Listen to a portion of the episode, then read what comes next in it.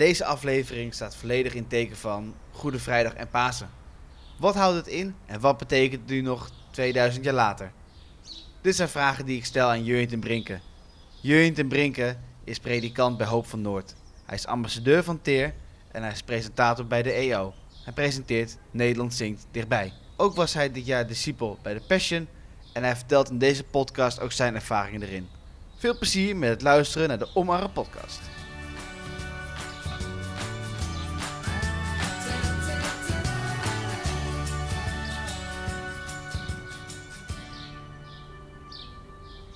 Hey Jurjen, kun je wat vertellen over hoe jij de opnames voor de Passion hebt ervaren?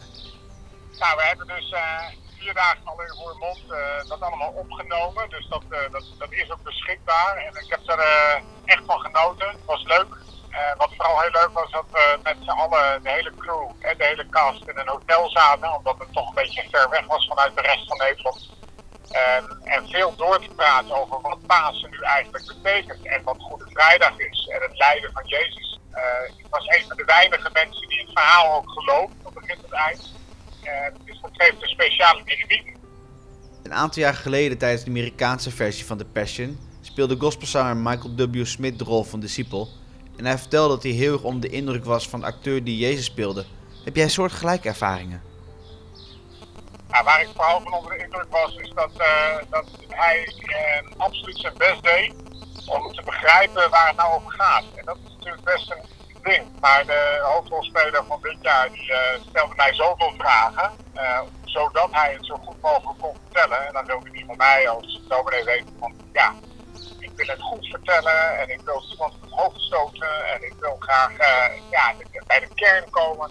Dus dat vond ik gewoon heel tof. Dat iemand zich daar zo in verdiept om dat op de juiste manier te doen. Ik, voelde het echt uh, als Jezus werd afgevochten, wij werden tegengehouden de ME bij hem te komen. Snap je? Wat gaaf. Het, het, lijkt me ook echt heel mooi om zoiets echt voor je neus te zien gebeuren. Want volgens mij is het ook dat wat de Passion wil laten zien, hoe heftig het verhaal ook eigenlijk is.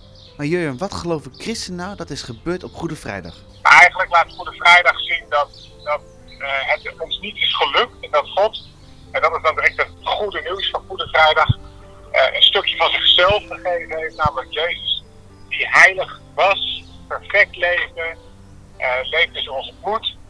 Um, en die is, dus zonder zonde, smetteloos, uh, puur um, in deze wereld geweest, geleefd zoals hij moest leven.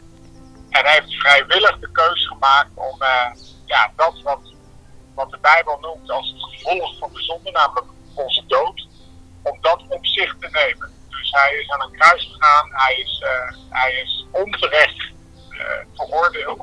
Maar heeft daarmee de straf voor andere mensen, voor jou, voor mij, voor nou ja, diegenen die, uh, die het zelf niet meer goed konden maken tussen God en hem, heeft hij op zich genomen. Dat is wat christenen geloven bij Goede Vrijdag. En wat betekent het verhaal van Pasen nou voor jou persoonlijk? Nou, voor mij persoonlijk betekent het eigenlijk, uh, ik denk twee dingen. Allereerst, uh, het hele verhaal van Goede Vrijdag en Pasen vind ik heel bemoedigend. Want het zien God zich in onze nadigheid, zooi, ellende gestort heeft.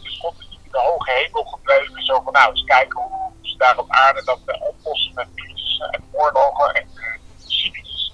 En het tweede, ja, het betekent letterlijk dat, um, wat ik zojuist zei, dat er, dat er een nieuw leven mogelijk is. Dus het kan niet zo hopeloos vastlopen. Of er is perspectief, er is hoop. Ik krijg een nieuwe kans. Niet omdat ik dat nu verdiend heb of gedaan maar om omdat God zelf naar mij is Dus het verhaal van Paas is eigenlijk een verhaal van hoop en perspectief? Dat is het helemaal. Dat, uh, ja, dat gunt bij heel veel mensen er ook behoefte aan. Niet iedereen vindt dat dan het christelijk geloof, maar dat is wel volgens mij wat de belangrijke kernwaarde is van vandaag de dag. Ja, mooi.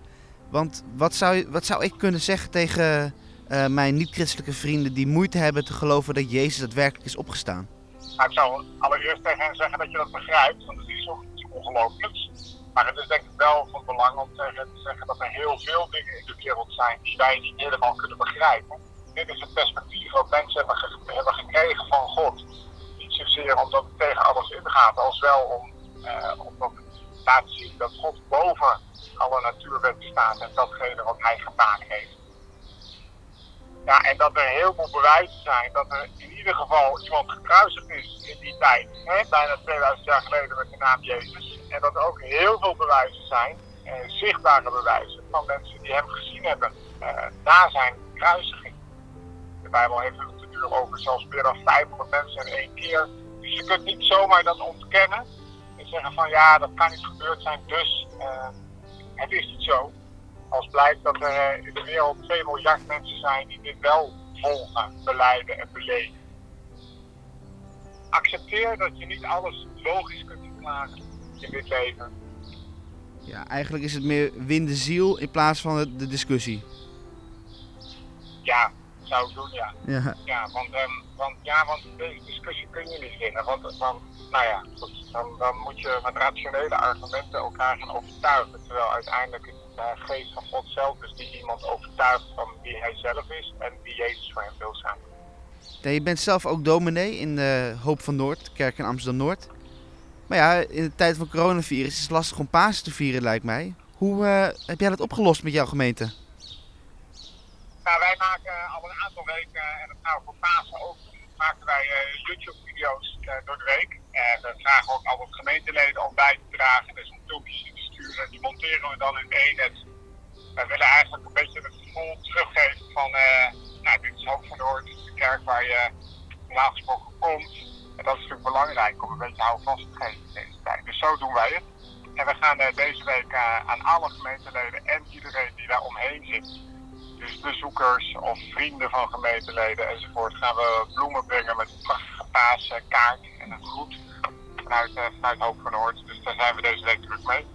Oké, okay, mooi. Dus iedereen die uh, nee, niet in jullie e-maillijst zit of jullie volgt op Facebook, die, worden, die kunnen wel gewoon bereikt worden op deze manier. Dan dat ze toch nog het verhaal van Pasen meekrijgen dit jaar. Zeker, ja. Dit was dan de Goede Vrijdag special van de Omarm podcast. Ik wil Jurjen ten Brinke heel erg bedanken voor zijn tijd en zijn prachtige verhaal. Wil je meer weten over Goede Vrijdag en Pasen? Ga dan naar de website waarompasen.nl. Ook staat zondagochtend in teken van Pasen bij Salto 2 en Nederland 2. Wil je Jurjen horen? Dat kan. Hij heeft twee podcasts gemaakt voor de podcast van de EO Eerst Dit, waarin hij Goede Vrijdag en Pasen uitlegt. En ook kan je de dienst van Hoop voor Noord kijken via hoopvoornoord.nl slash spreken. Volg ook de Omarm podcast via Spotify. Elke maandag staat een nieuwe podcast voor je klaar.